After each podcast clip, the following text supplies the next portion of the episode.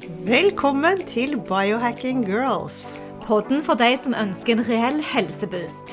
Vi holder oss oppdaterte på siste nytt innen helseforskning og tester ulike dietter, fitnesstrender og mentale teknikker.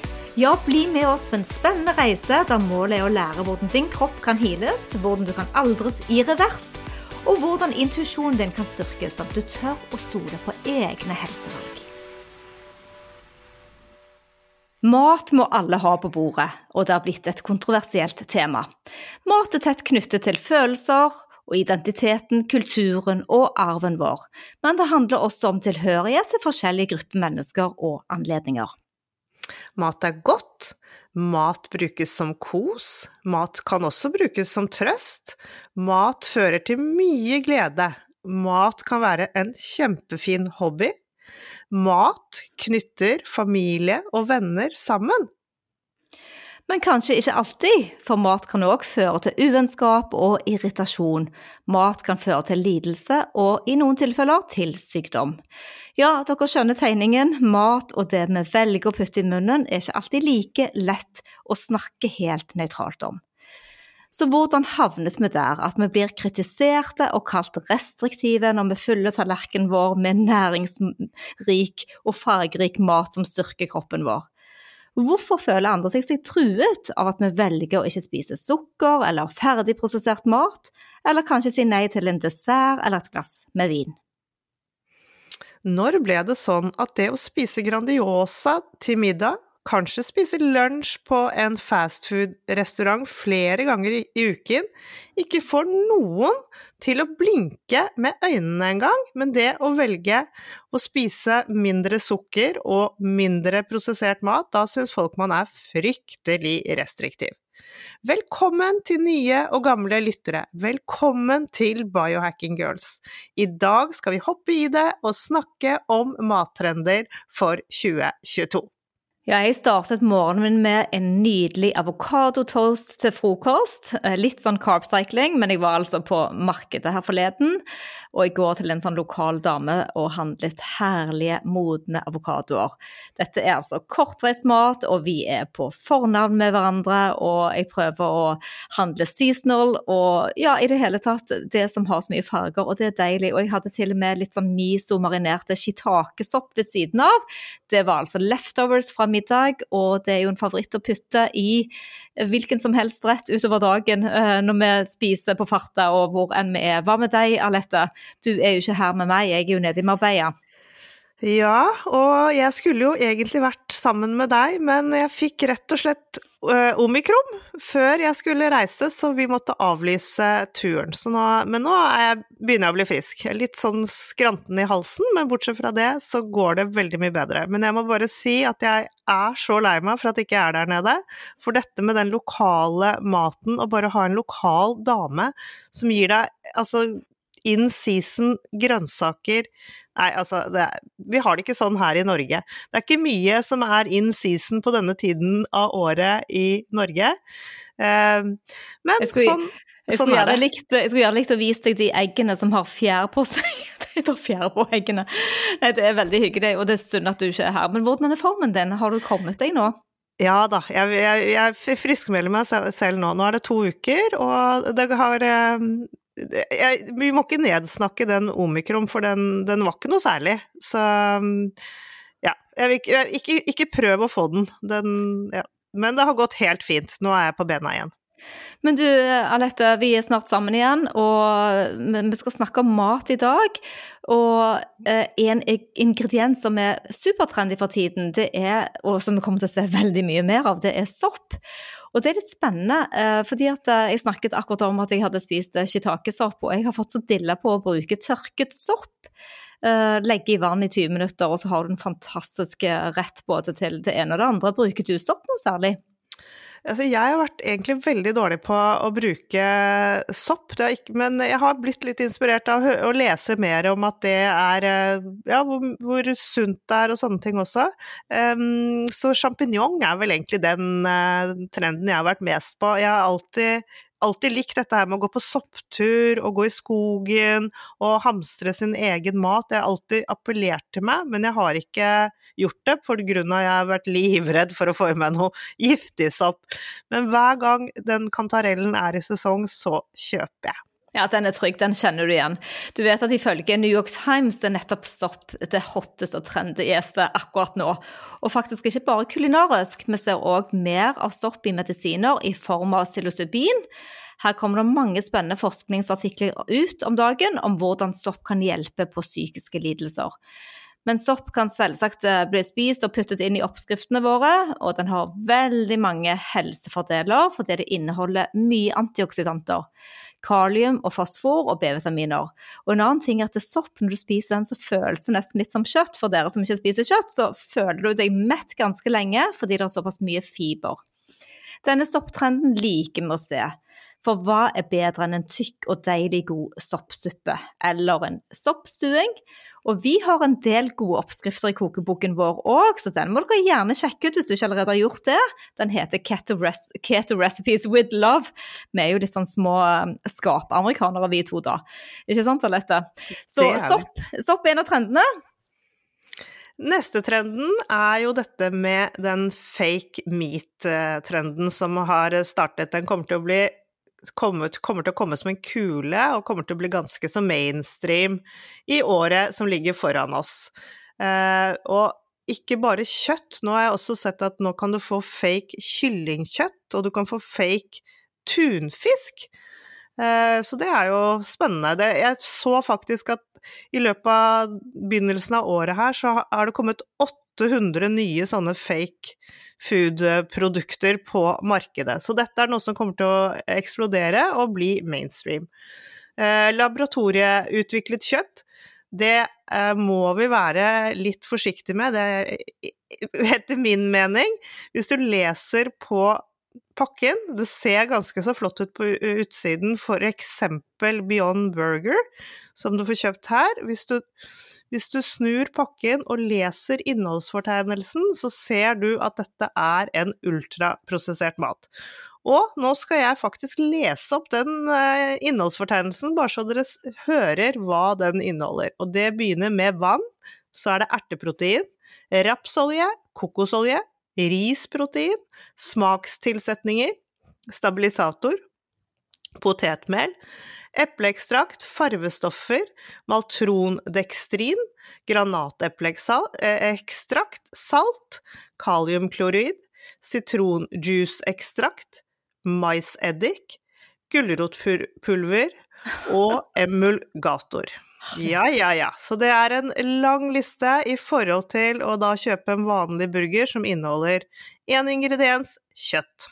Vi har, også, ja, vi har også hørt at potetmelk er på vei til butikken i år. Jeg lurer på om dette blir en hit. Hva tror du, Monica? Altså, det er jo det svenske firmaet Vegg of Lund, som da kommer fra Lund, som står bak uh, nyheten Dugg, DUG, uh, DUG.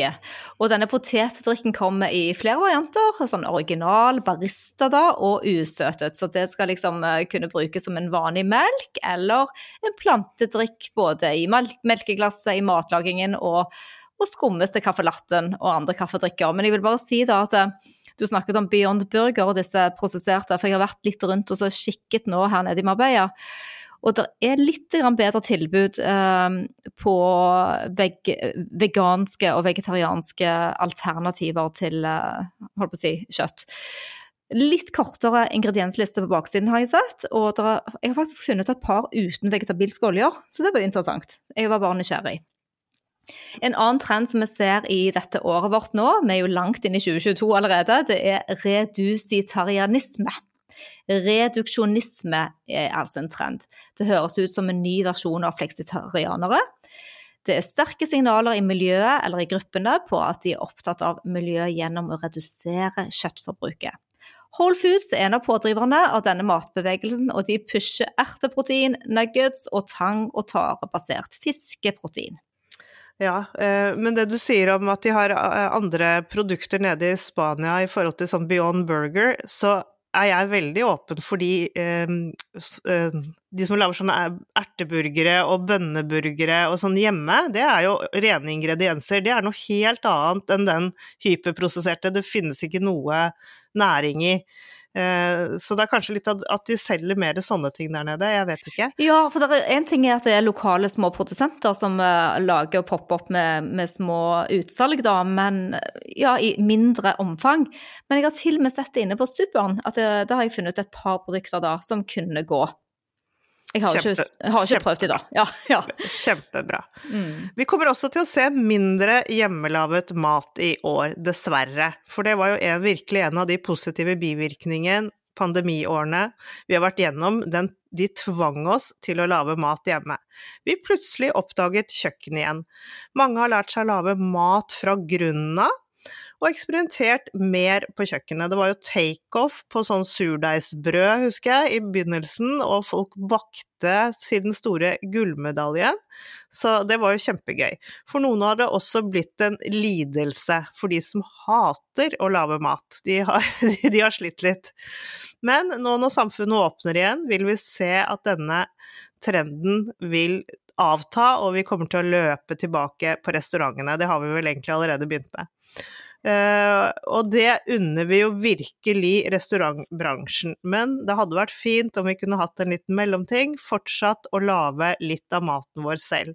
Det er allerede spottet nedgang på kjøkkenet. Det har allerede blitt, begynt å bli solgt mindre med mel, ris og poteter. Ja, til og med oppvasksåpe har gått ned i salg. Ja, Det er jo helt vilt. Men du, Alette, vet du hva jeg har uh, i kofferten min når jeg kommer hjem, stort sett? Hva fyller jeg den med når jeg er på tur? Mat? Ja, nettopp. Og det er helt sant, jeg har handlet uh, jeg har handlet kokossmør, og jeg har handlet uh, ja, noe nøtte, nøtteting, frø og nøtter, og ja, litt rare kaffemikser som ikke er kaffe. Og det syns jeg er litt spennende, fordi at eh, jeg føler nesten at jeg fråtser litt. De fleste drar jo ut på ferie og kjøper kanskje klær eller vesker eller litt sånne ting, men jeg går inn på alle matutsalg og så ser jeg finner litt rare ting. Og det føles som fråtsing, og fråtsing er faktisk eh, en av de store trendene dette året, hvis man kan kalle fråtsing en trend. Vi føler vel at det er to fulle år med pandemi, og følelsen av et begrenset liv kan gi oss god grunn til å fråtse litt nå. Kjøpe kanskje litt dyrere ingredienser. Mochi-iskrem, som blir mer og mer populær, det er en is som er laget av japansk kleberis og salg av dyr og eksklusiv sjokolade går stadig opp. Nå skal vi altså kose oss, og det vil òg merkes på Vinmonopolet med at det blir mer salg av de dyre vinene, naturviner og biodynamiske viner. Ja, vi får, eh, vi får, nyte det nå mens, mens, vi kan, for jeg leste akkurat en artikkel i A-magasinet om dette med klimaendringer, at det kommer til å påvirke om vi faktisk i fremtiden kan drikke kaffe og spise sjokolade, for det er ikke sikkert vi kan dyrke det lenger. Og vinprodusentene, de kommer til å flytte til Norge. Så, det var litt sånn interessant. Ja, med den kortreise, at vi rett og slett må ta med oss ting når man er på reise. Ja. Ja. Det er også spådd at det vil bli stor interesse for kulturhistorien til den maten vi velger å spise. Dette syns vi er en spennende trend. Vi tror at når folk begynner å sette seg litt inn i de kulturelle sidene av diverse matretter, og hvorfor folk spiser som de spiser, og bruker de ingrediensene de gjør, så vil eh, diskusjonen rundt viktigheten av det intuitive, det næringsrike og særlig viktig animalske maten kanskje bli, få litt mer forståelse. Kanskje vi kommer til å se og også skjønne hvordan matproduksjonen henger sammen, og at dyr er en viktig rolle i det regenerative jordbruket vårt. Ja, det er bare å spole tilbake til forrige uke, der, så kan man høre på den fantastiske podkasten og samtalen med Marte. Det var veldig interessant å høre hennes refleksjoner rundt uh, jordbruk. Uh, gårdsbruk, mener jeg da. Neste trend som heier skikkelig på, det er matinnpakning. Altså, aldri før har emballasje og oppbevaring hatt så mye fokus. Og dette er spennende og viktig, og viktig fordi det blir òg litt trendy. Vi går foran som gode eksempler. Vi vil ha mindre plast, mer resirkulering og mer gjenbruk. Så det å oppbevare i glass eller bruke egne drikkeflasker og kaffekopper som man òg kan personliggjøre, med å få logo, navn på eller tegne på, sette klistremerker på, er kjempekult. Og plast i form av sugerør og engangsaviser det er jo allerede blitt forbudt i Norge. Vi har også valgt ut en del matvarer som vi bør kutte ut eller minimere inntak av utover i 2022. For dette er matvarer som vi nå vet påvirker og spiker blodsukkeret vårt veldig negativt. Og vi vil gjerne at 2022 blir året hvor alle blir bevisste på akkurat dette. Kanskje litt overraskende for noen, men matvarer som druer, havregryn, sushi og denne trendy acai-bowlen og noodles Alt dette fører til høye spikes i blodsukkeret. Men det er jo alltid måter å tenke at man kan få noe av dette inn eh, ved å kombinere matingrediensene på riktig måte. Men vær litt oppmerksom på akkurat det. Så fokus på blodsukker er blitt veldig, veldig i øyet sett nå i 2022. Ja, jeg tror det at vi kommer til å se mange som går med den rundingen på overarmen og ja, sjekker virkelig hva de forskjellige matvarene gjør med oss, og særlig det du sa med kombinasjonen, at man ikke spiser alene, men kanskje først i måltidet og de tingene. Det, men, det, men, når du sier den rundingen er dette, så mener du da glukosemåleren, ja. ikke sant? For det er jo det vi har gjort. Ja, men bare forklare at det er jo en sånn liten glukosemåler som vi har snakket om før, da. Men uh, man putter på armen, så det er en liten nål, du stikker den inn i armen, og den kan man ha på i en måned. Og måle hvordan diverse matvarer påvirker blodsukkeret. Og det er jo dette som er veldig, veldig interessant for oss helsemessig. Takk for oppklaringen. Jeg tror liksom alle driver med biohacking, jeg, vet du, så jeg, jeg glemmer meg. oi, oi, oi. Men vi har jo noen hacks da, i forhold til disse matvarene du snakket om som spiker eh, blodsukkeret vårt så veldig. Og så er det sånn som med druer, prøv også å spise litt mindre. Og et triks som jeg har lært av deg, for å spise mindre druer, er å legge de i fryseren. Dele de i to, legg de i fryseren. Når du da tar de ut og spiser, så blir det som, nesten som sukkertøy, og samtidig så orker du ikke så veldig mange.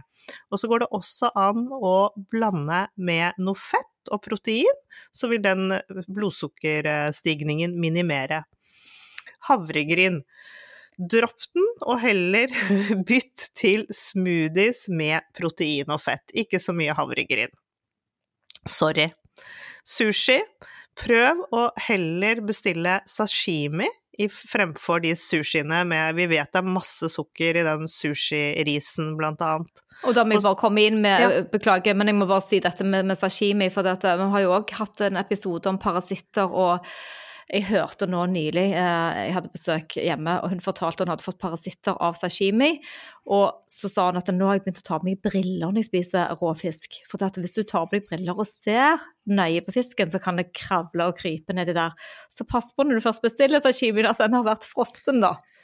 Veldig lurt, for jeg, jeg, hørte også nettopp det at nei, nei, men når du spiser med wasabi, så er det ikke farlig, det dreper jo parasittene. Men nei, det dreper veldig mye annet, men ikke parasittene. Helt så riktig. pass på det. Og så har vi denne acai-bollen. Prøv å lage den hjemme, så har du kontroll på hvor mye sukker du putter i den, for det, de du kjøper ute er ofte loaded. Og så har vi nudler. Her har vi jo masse gode alternativer med å lage nudler øh, av grønnsaker. Har ikke du sånn egen spiralizer hjemme? Jeg har spiralizer, elsker den, bruker den masse er ikke den vanskelig å bruke. Jeg ga bort min, for jeg fikk det ikke til. Så nå, jeg, nå gjør jeg det på rasp, liksom. Det er ikke vanskelig i det hele tatt, men du kan få sånne små som gjør akkurat samme jobben, som ser ut som rasper, men det blir sånne lange strimler, så går det bare rundt squashen eller rundt gulroten. Ok, da har jeg noe nytt på to do-listen, det skal jeg lære meg å bruke. Men du, eh, min første opplevelse med acai bowl var jo nede i Miami, på Miami Beach, for mange år siden. Jeg skrev til og med en blogg om det, for jeg syns det var altså helt fantastisk. Men det er jo ikke rart. Det er jo 700-800 kalorier i form av carbs uh, og peanøttsmør og kanskje til og med 1000, jeg vet ikke. Det, det, er jo som å spise godteri. Det er helt klart godteri, og jeg hadde samme opplevelsen. Jeg tenkte oh my god, dette var dritkost, og så er det så sunt! Ja. Men eh, nei. oi, oi, oi. Ikke i det hele tatt. Men du, Monica, vi har vel eh, ennå litt dårlige nyheter til folk her, for vi har jo en liste med rett og slett mat som kan drepe. Ja. Hæ? Ja, det Ja. det er faktisk noe mat som man skal være litt forsiktig med. Ikke for å skremme dere, men bare for å være bevisst. Man skal ikke bare putte alt mulig rart inn i munnen og tro at det går bra. Og den første på denne listen er vi som bor i Norge. Vi, potet er jo vi vokste opp med. Jeg husker faktisk at vi hadde poteter nede i kjelleren som vi varte hele, hele vinteren, og det var av og til de kom opp og var grønne. Og det er de grønne potetene, de skal dere ikke spise. Det er klorofyll og solanin som er et giftstoff som skaper den der veldig grønnfarven eh, når poteter har ligget en stund. Så pass på å ikke spise det. Er det bare litt, litt på poteten, så kan det bare skjæres av, det er ikke noe verre enn det, men ikke kok og spis det. Ja, man kan jo få litt sånn uh, food anxiety, uh, mye å tenke på. Muskat er òg en uh, liten rar nøtt som inneholder myristicin, som da er et giftstoff. Så dette må man spise kun i moderate mengder, altså i små doser. Du rasper på muskat som en liten kryddervariant i maten din. Mm. Så selvsagt, når vi snakker om dette her, mat kan drepe, så snakker vi store mengder. Det er ikke Men man vet ikke hva, hvordan man reagerer på mat, vi er alle forskjellige, så det er liksom litt sånn å være obs på. Vi skal også passe på grønne rå mandler eller disse rå cashewnøttene. De inneholder cyanin, og i store mengder så er dette rett og slett giftig. Men de er ikke så gode heller, så det er jo veldig mye bedre med å kjøpe søte mandler og la de være bli ristet, og kanskje putte på litt salt. Da er de jo faktisk bedre også. Og en annen ting er at de grønne mandlene som jeg har da plukket i fjellene i Granada selv, du må knuse steinen med en stein, de smaker ikke godt likevel. Så det er mye bedre med de søte, ikke sant. Uh, røde kidneybønner og egentlig de fleste belgfrukter, men særlig røde kidneybønner, de er giftige om du spiser de rå. Og de må kokes skikkelig sånn til fosskoker og veldig lenge. Og aller best er det hvis du legger de i vann og bløtlegger de før du koker de, gjerne i 24 timer. La de ligge lenge, og så koke. For de inneholder noe som heter PA, PHA, som er et naturlig toksin i bønnene. Og så har vi denne hamburgeren, da. Den rå, blodige hamburgeren som du ikke helt vet hvor kjøttet kommer fra, den kan være farlig. Den kan inneholde E-cola. Og det er jo da når det er veldig rått. Hadde, det var jo nå for ikke så lenge siden i, her i Norge at eh, det kom inn regler på hvor mye sånne burgere på alle disse burgersjappene rundt omkring i landet, de har jo fått nå regler med at alt må kokes, nei, stekes veldig, veldig godt. Og dette er jo da mye av grunnen til det. Så eh, en, et godt tips her er å lage burgere hjemme. Pass på at du kjøper skikkelig kjøtt, grasfora gjerne, og så stek det godt. Ja, burgeren bør ikke være rå i midten, da kan du heller ta biffen.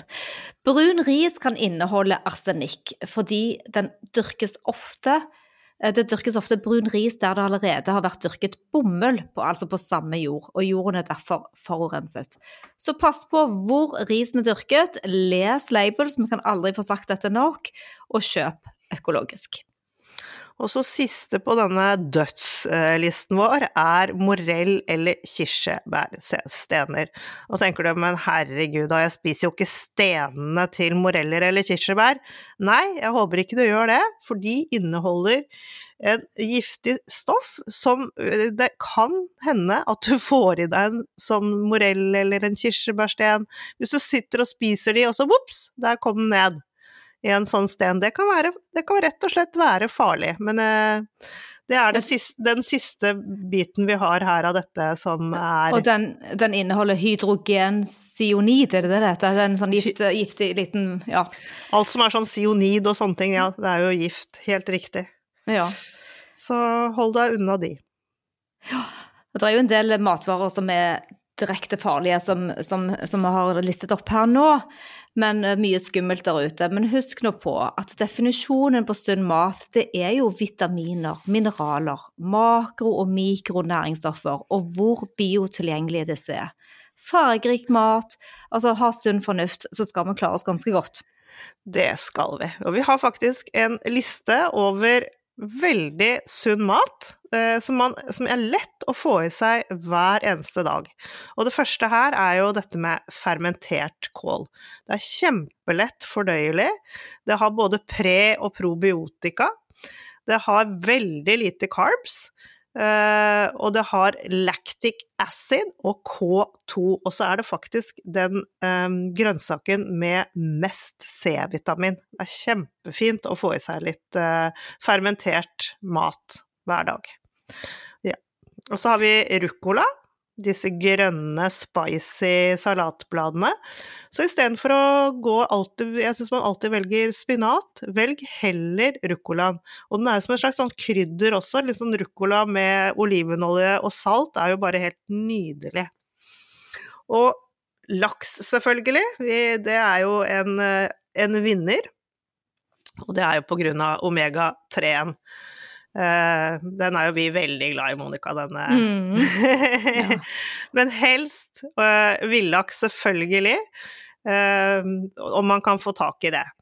Og så har vi torskerogn. Det er kanskje ikke noe som du tenker at du spiser noe videre, men jeg må bare si at du får kjøpt de på boks, de torskerognene.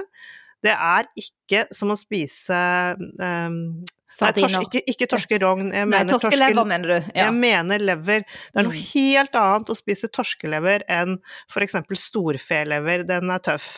Men å steke den torskeleveren som kommer i de der boksene, er faktisk Det smaker godt. Bare ha det oppi en salat. Og så i forhold til dette med aluminium og sånn, uh, boksemat, vi spiser ikke for mye av det, men, uh, men litt innimellom går fint. Mm. Er det noen regel på det? Ja, det er jo det. Man skal ikke spise for mye sardiner og tunfisk eh, i forhold til å få tungmetaller i kroppen. sant? Ja. Så alt med måte. Hvis man kan eh, velge fersk, så er jo det alltid det beste. Men jeg syns mm. den torskeleveren som vi har prøvd på boks, er sykt god. Ja, ikke sant den er det. Mm. Den er mm. ikke noe sånn Du føler ikke at du spiser tran i det hele tatt. Nei, nei, nei. Og så her på, faktisk, på listen med veldig sunn mat, har vi også hamburger. Ja, den er, kan være både giftig og veldig bra for deg. Men her vil vi gjerne at du da se, finner ut hva du Som vi lærte faktisk av Marte Bonde, som jeg syns var veldig interessant. Det hun sa, var at all, alt norsk kan du være rimelig trygg på, men du aner ikke hva den hamburgerkjøttet nede i Peru har blitt fòret Du har ikke peiling hvor mye den har fått i seg av uh, forskjellige medisiner. Og ja, det var sånn, satt litt sånn støkker i meg. Ble jeg enda mer bevisst på dette med, med mm. norsk mat. Uh, og også dette når det er hamburger og kvernet kjøtt, så er det veldig lett fordøyelig. Og vi har hele aminosyreprofilen pluss både sink og selenium og potassium. Så det er faktisk en kjempefin uh, matvare også. Uh, neste på listen her er, uh, når vi kommer inn, inn, i nøttefamilien, så er faktisk pekannøtter det som er best å spise. Jeg spiser ikke så mye nøtter, men du er veldig glad i det, Monica. Du, er du glad i pekan? Ja. Ja, faktisk det er en av de jeg spiser mest, det er makademia. akademia. Så nå, tilbake til dette fantastiske matmarkedet, så handlet jeg en svær sånn to kilos med pekannøtter. Og jeg tenkte jeg skulle prøve å bake de i ovnen med litt salt og litt krydder og sånn for å få den lille crispy. Og jeg bruker de eh, over en salat, eller til og med over kjøtt, eller ja, gresskarkjerner òg er en favoritt. Men jeg, jeg, spiser det en del, litt grann hver dag, ikke for mye. Ja, de gresskarkjernene skulle vært på denne listen, men det, mm. det er en kort liste, det er bare én ting til, og det er Hva tror du? Ja, det må vel være extra virgin olive oil? Ja, det er det. Den mm. er, slår vi et slag for. Den er kjempeviktig. Vitamin E og A får du her. Magnesium, potassium. Så den er eh, Og så er den jo veldig, veldig god. Ja, vet du hva, det er fantastisk. Eh, jeg spiser olivenolje hver eneste dag, og det gjør barna mine. Og ja, vi bruker det som en av de ingrediensene som går igjen hele tiden. Et stort forbruk. Og jo tykkere og grønnere og mer extra virgin er, jo bedre for meg. Men det er jo noen som ikke liker olivens smak, og da kan man velge en litt lysere variant. Mm. Og passe på at det er en eh, jomfruolje. Mm. Så la oss oppsummere med at vi har tro på at alle vil ta de gode helsevalgene etter å ha hørt på denne episoden. Jeg, har du tenkt å endre på noe, Aletta? Vi har jo ganske mye på agendaen allerede.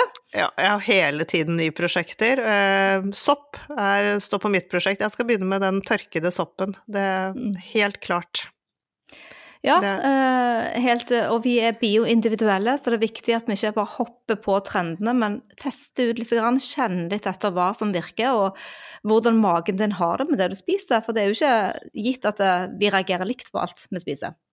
Helt riktig. Det er veldig viktig faktisk å være litt obs. For jeg tror det er så mange som går rundt og tenker at nei, det er da helt normalt å ha oppblåst mage etter hvert måltid, men det er jo ikke det. Det er Nei. jo noe da som er feil, og det er ikke normalt å gå og prompe hele tiden eller gulpe.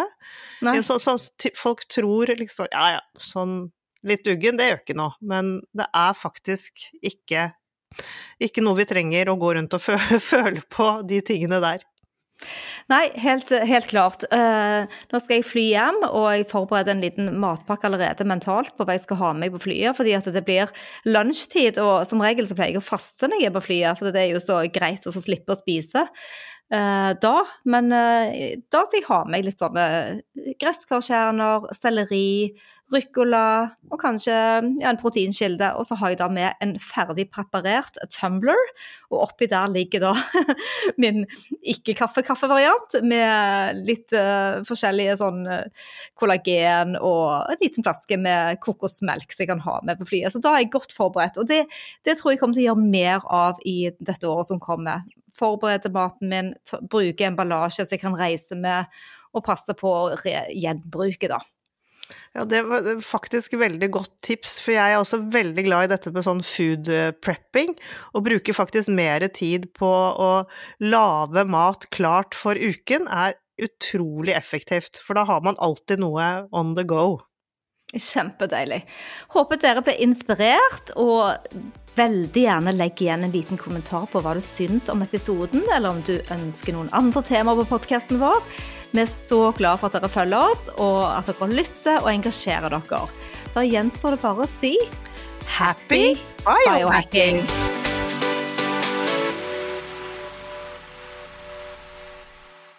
Vi minner om at dere må snakke med egen lege eller kostholdsveileder om dietter og andre spørsmål relatert til medisiner og supplementer. Informasjon vi deler, kan ikke bli brukt til å diagnostisere, behandle, forebygge eller kurere noen sykdommer eller tilstander.